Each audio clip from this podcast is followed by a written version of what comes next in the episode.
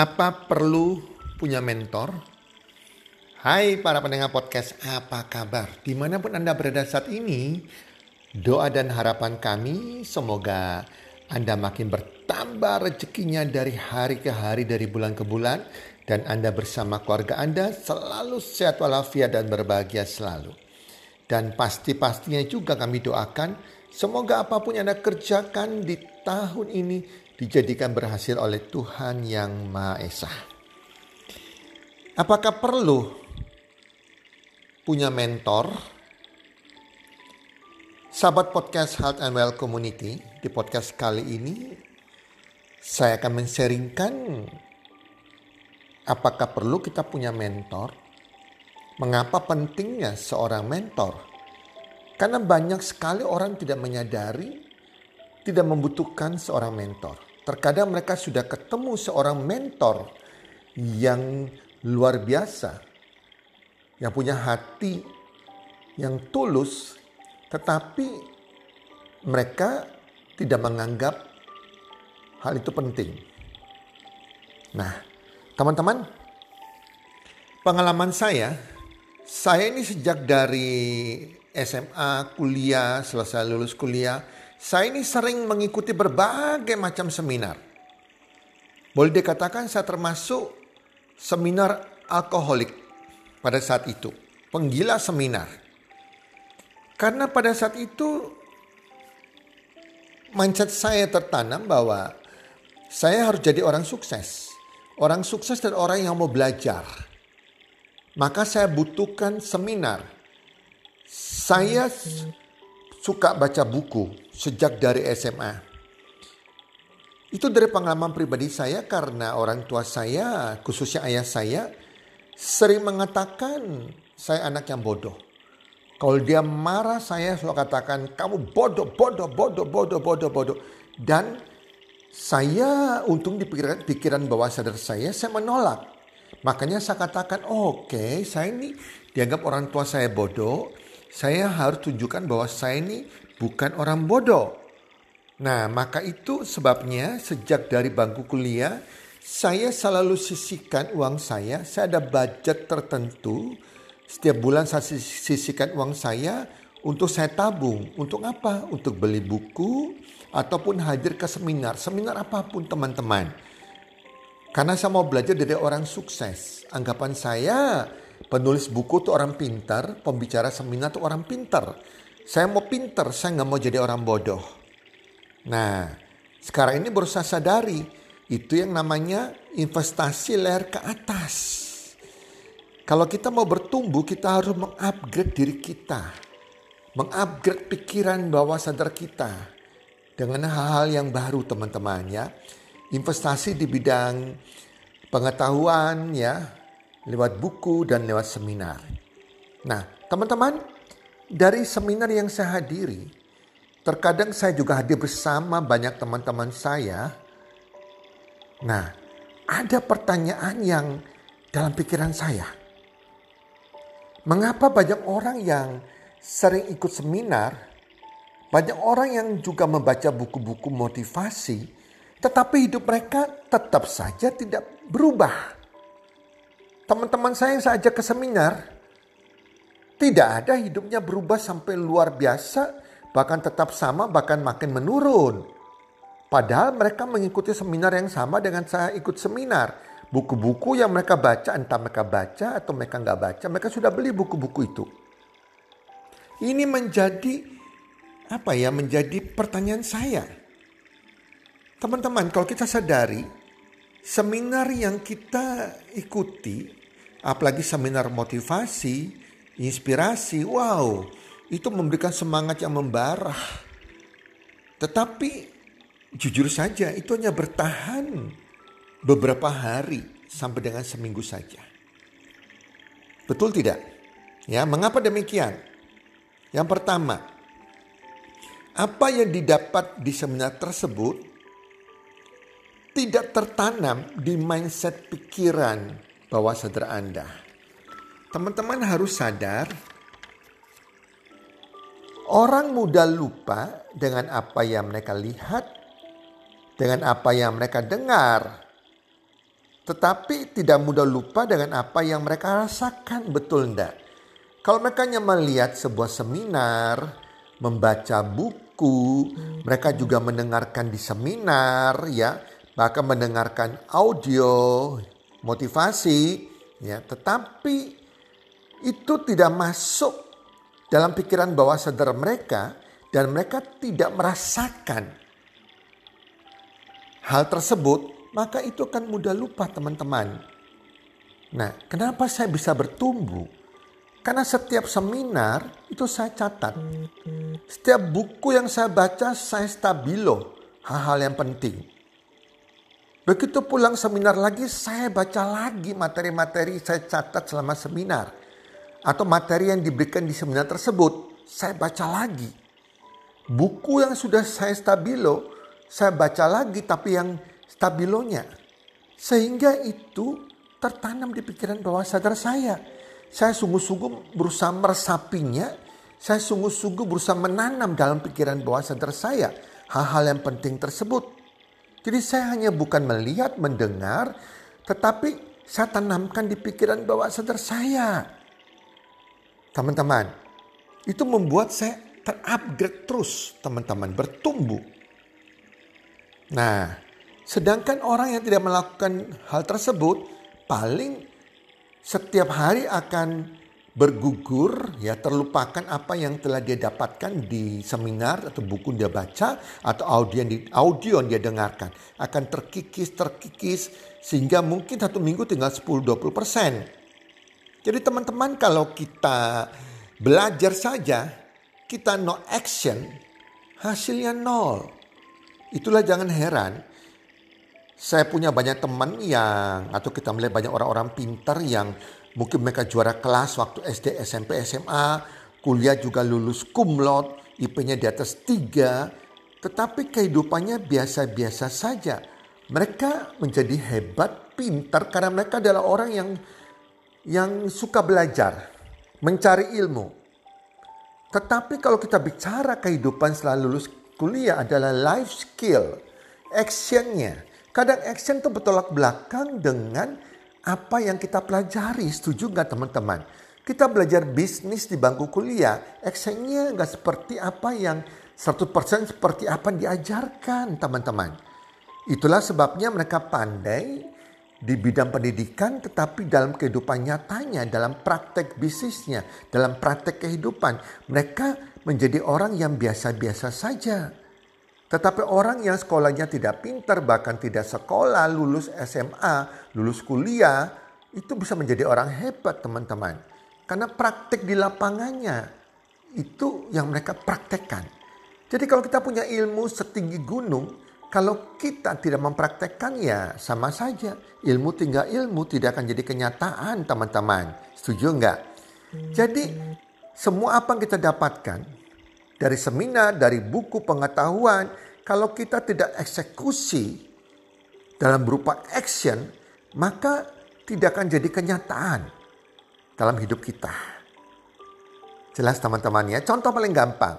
Saya pernah ikut dengan teman-teman saya, bahkan saya juga sekarang ini sebagai coach konsultan bisnis mengajari tentang bagaimana ke mengelola keuangan.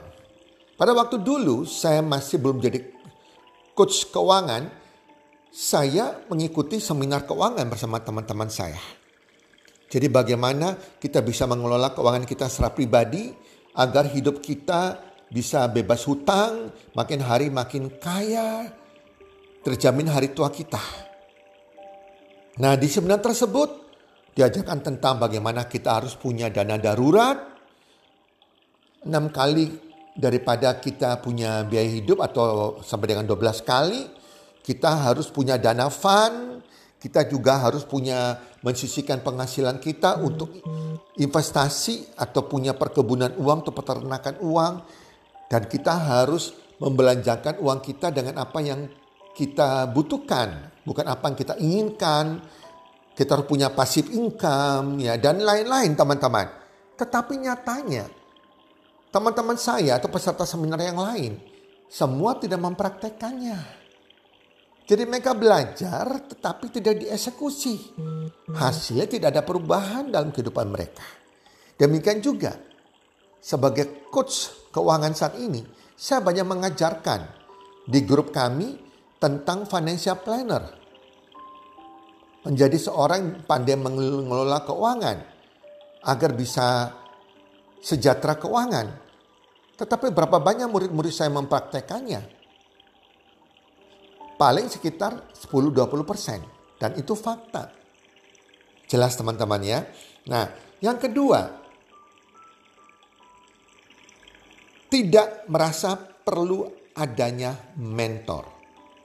Nah, jadi teman-teman, orang-orang yang sudah baca buku, ke seminar ya, ah, bahkan seminar alkoholik ya, mereka tidak berubah hidup mereka karena mereka Pertama, mereka tidak mempraktekkan dan apa mereka dapatkan tidak tertanam dalam pikiran bawah sadar mereka. Yang kedua, karena mereka tidak merasa perlu adanya seorang mentor.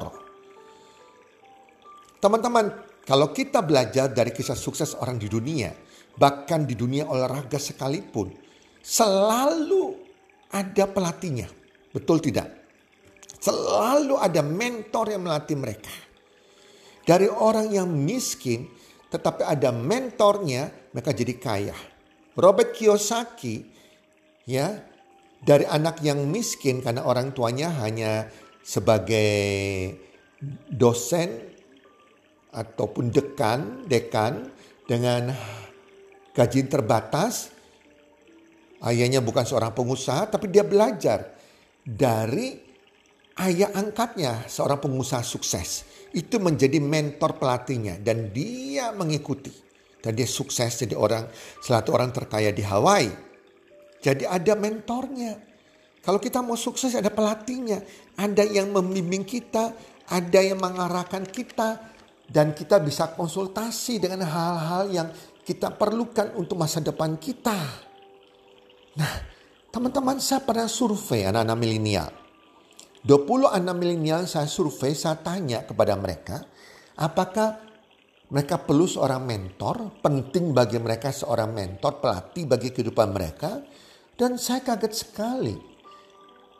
Semuanya 100% menjawab mereka tidak perlu orang membimbing mereka.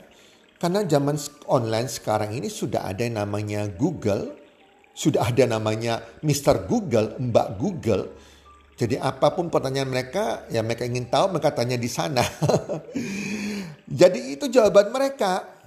Hai teman-teman, mentor ya pembimbing Anda tidak sama dengan Mr. Google atau Mbak Google.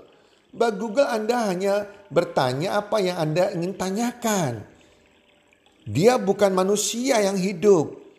Tetapi mentor atau life coach ini manusia yang hidup yang bisa Anda konsultasi bertanya, bisa menunjukkan Anda jalan setapak Anda langkah demi langkah, bisa menunjukkan Anda peta sukses bagaimana menuntut Anda sampai Anda bisa berhasil. Dia bisa memberikan Anda motivasi, inspirasi dan solusi dan menunjukkan jalan kesuksesan bagi Anda. Jadi beda teman-teman. Tapi itu nyatanya menganggekan sekali. Bagaimana dengan Anda? Apakah Anda merasa perlu adanya seorang mentor, pembimbing, panutan Anda yang Anda mau dengar apa yang dia arahkan? Teman-teman, contohnya kalau Anda ingin jadi orang kaya, Anda ingin jadi orang kaya, tentu kita harus mencari mentor orang yang sudah kaya, benar bukan? Masa Anda tanya Mbak Google Mbak Google tuh bukan mentor teman. Itu hanya informasi yang Anda dapatkan. Nah yang saya selalu katakan yang namanya kaya adalah kaya di bidang keuangan. Bukan hidup mewah teman-teman. Hidup mewah itu tidak sama dengan kaya. Dikatakan kaya adalah di bidang keuangan. Jelas teman-teman ya. Jadi banyak orang berpikir oh orang hidup mewah itu orang kaya. Oh no teman-teman. Yang dimaksud kaya adalah kaya di bidang keuangan. Bukan hidup mewah sekali lagi. Kalau hidup mewah tentu dinilai dari berapa banyak barang branded yang dipakai. yang dimiliki, barang-barang mewah dimiliki. Dia selalu pakai barang branded menunjukkan kemewahan dia. Dia tuh punya banyak rumah, rumah mewah, punya mobil mewah yang ditunjukkan, punya punya apa lagi motor gede ya, motor yang mahal, motor besar itu dan sebagainya. Tetapi yang namanya orang kaya secara keuangan atau kaya yang sesungguhnya the real rich man adalah orang yang memiliki penghasilan pasif teman-teman. Di mana penghasilan pasif income mereka itu lebih besar dari biaya hidup mereka. Teman-teman, Anda dengarkan lagi podcast saya 6 level penghasilan agar Anda merdeka keuangan. Wow, itu keren banget.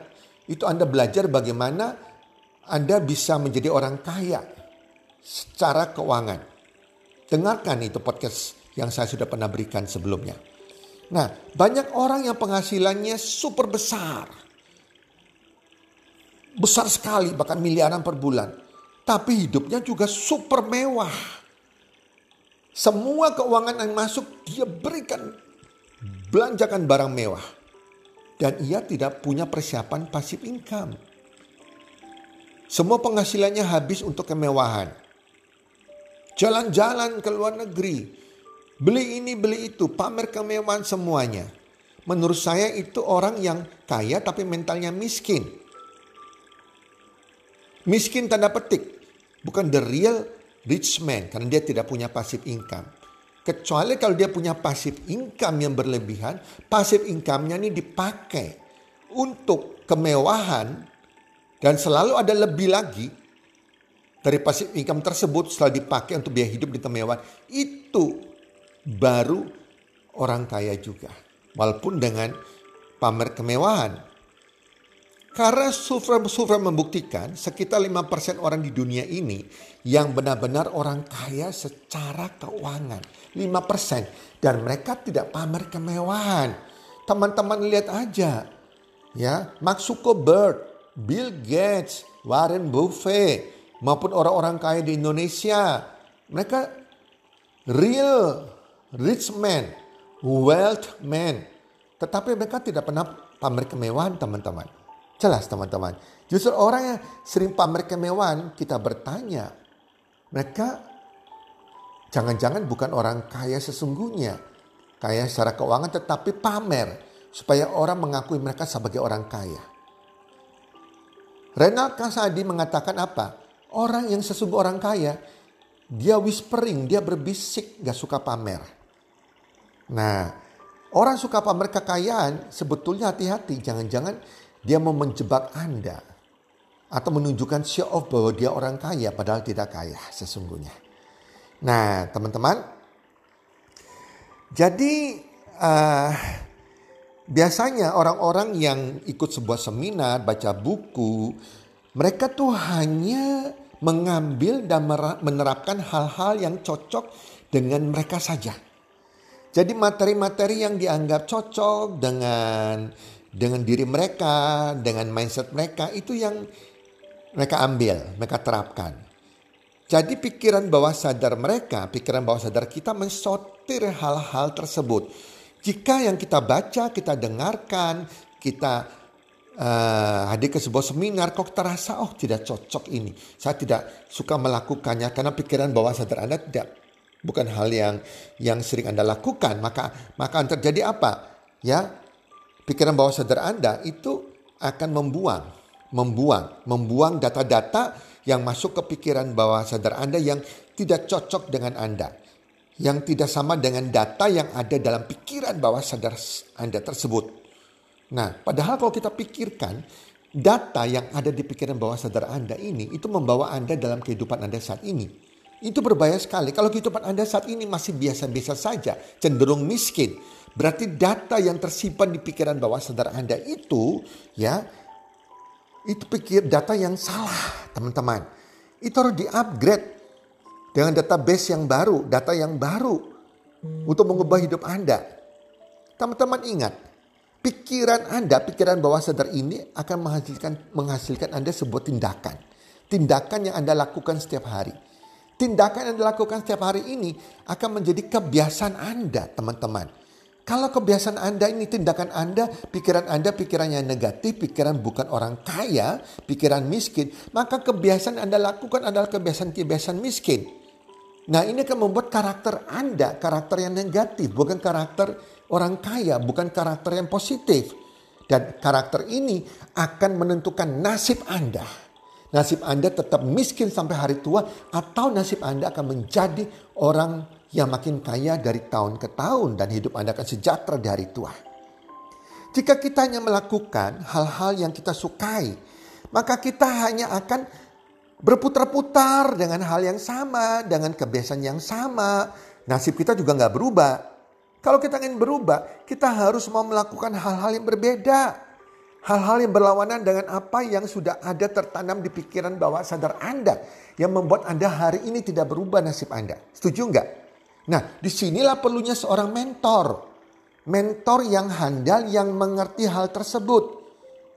Jadi kita harus mau mendengarkan saran mentor tersebut. Nah, jika Anda hanya mendengarkan saran dari orang-orang biasa, orang-orang yang hidupnya biasa-biasa saja cenderung miskin, hidup Anda juga akan jadi biasa-biasa saja.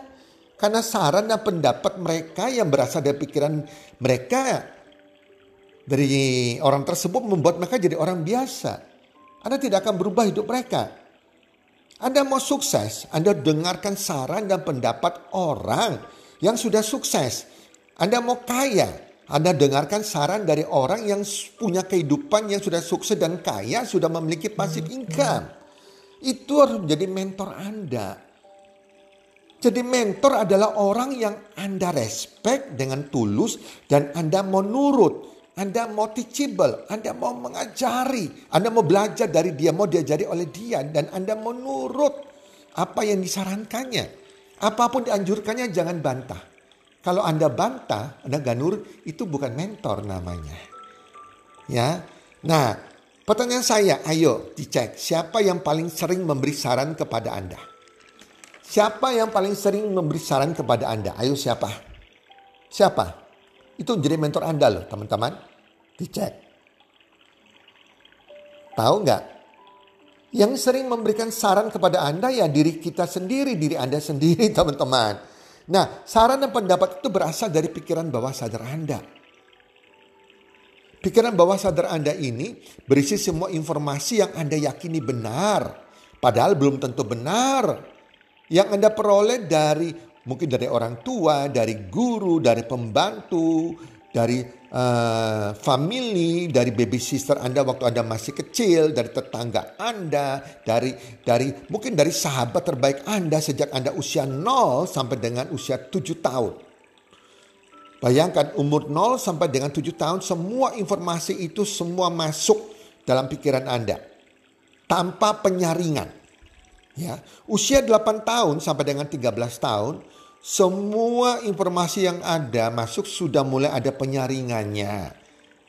Ya, penyaringan yang Anda terima di usia 0 sampai 7 tahun tersebut. Apakah cocok atau enggak? Kalau cocok disimpan lagi. Anda melihat, Anda mengalami semua itu tersimpan di pikiran bawah sadar Anda.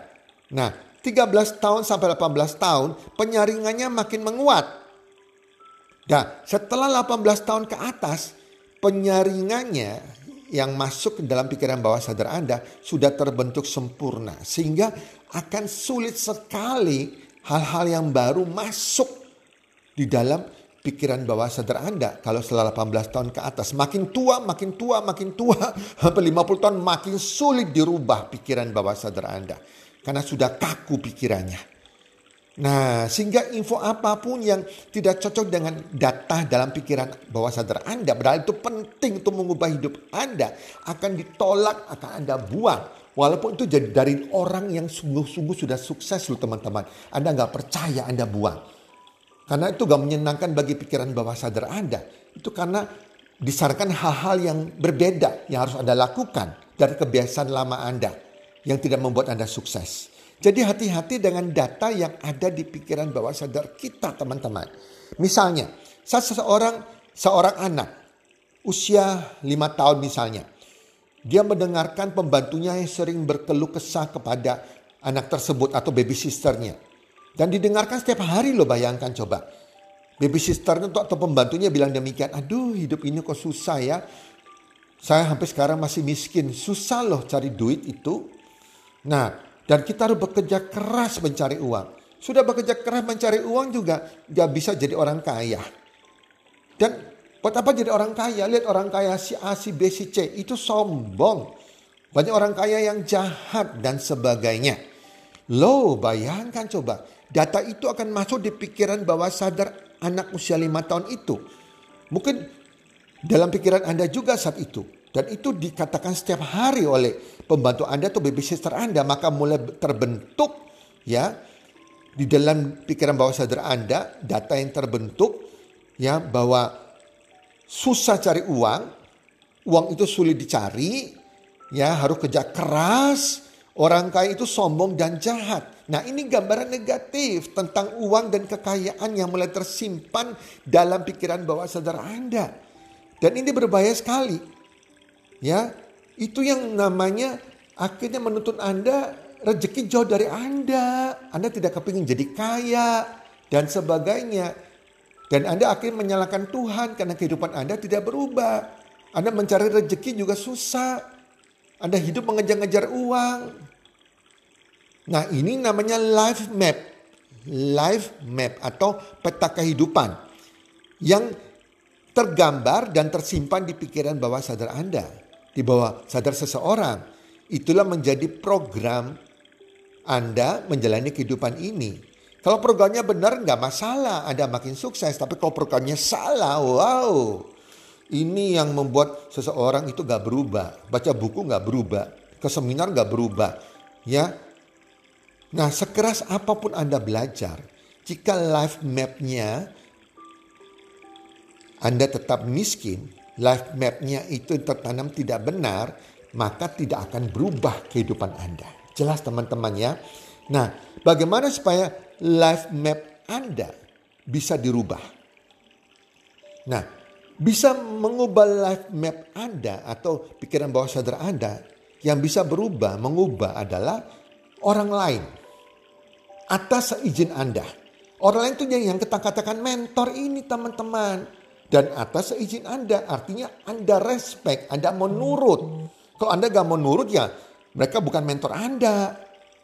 Caranya bagaimana? Ya berkumpul dengan orang-orang yang sudah sukses ya. Anda respect pada orang tersebut. Anda minta saran kepada mereka, mendengarkan nasihat mereka, rahasia sukses mereka. Dan Anda nurut 100%. Itulah pentingnya mentor. Tetapi kalau Anda hanya kumpul dan tidak menuruti saran mereka, itu bukan mentor teman-teman. Nah, teman-teman beruntung sekali jika Anda sudah menemukan mentor yang punya hati yang tulus, karakter yang baik, kehidupannya sukses, sudah punya pasif income. Wah, Anda bersyukur sekali. Itulah mentor yang Anda harus nurut semua sarannya agar life map Anda bisa berubah, teman-teman. Nah, jika Anda belum punya mentor langsung, nggak masalah teman-teman. Anda cari di YouTube banyak mentor-mentor yang tidak langsung anda belajar dari mereka, termasuk di podcast Health and Well Community ini. Anda dimentoring secara tidak langsung oleh saya, Tony Wijaya. Ya, Anda nurut aja apa saya katakan teman-teman untuk merubah life map Anda.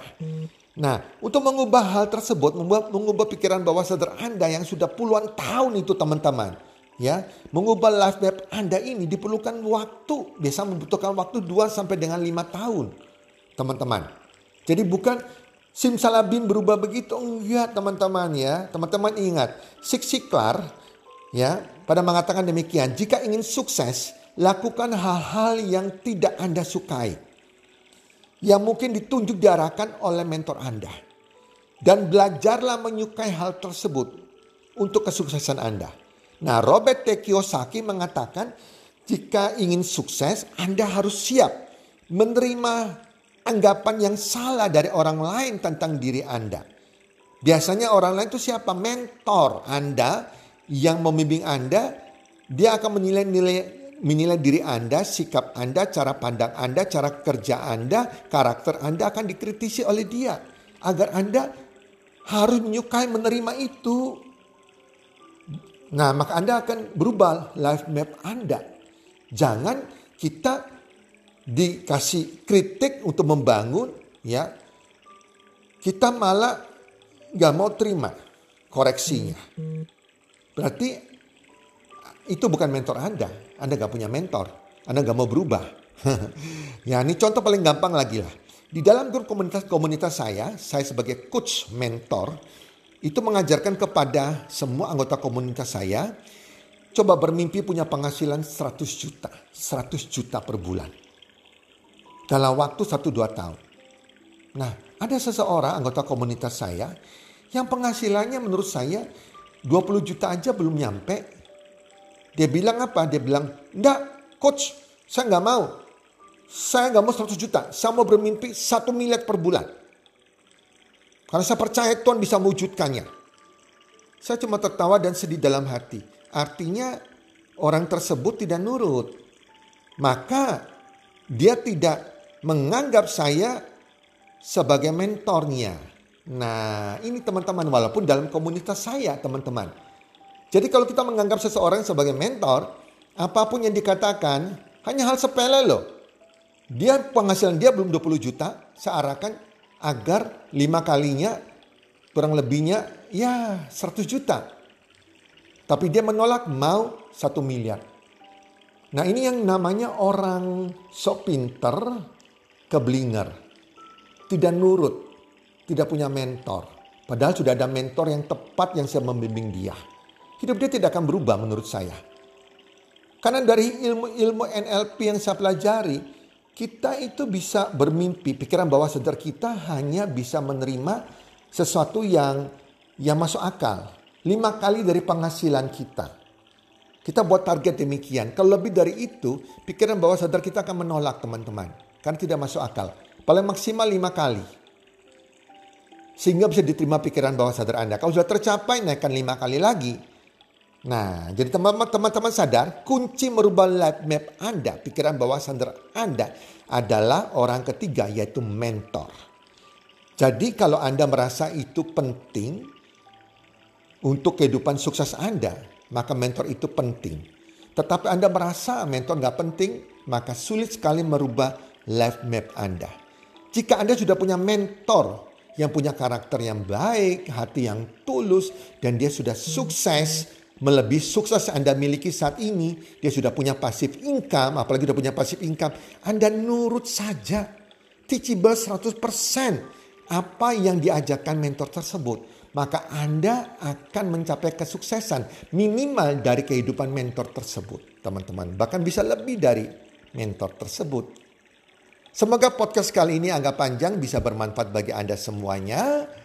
Dan saya doakan semoga Anda memiliki kehidupan yang lebih baik. 2 sampai 5 tahun Anda sudah punya kehidupan yang berbeda dari hari ini ya. Dan Anda sudah punya yang namanya impian keuangan yang tercapai dalam kehidupan Anda. Sudah punya passive income. Salam sukses. One, two, three. God bless you.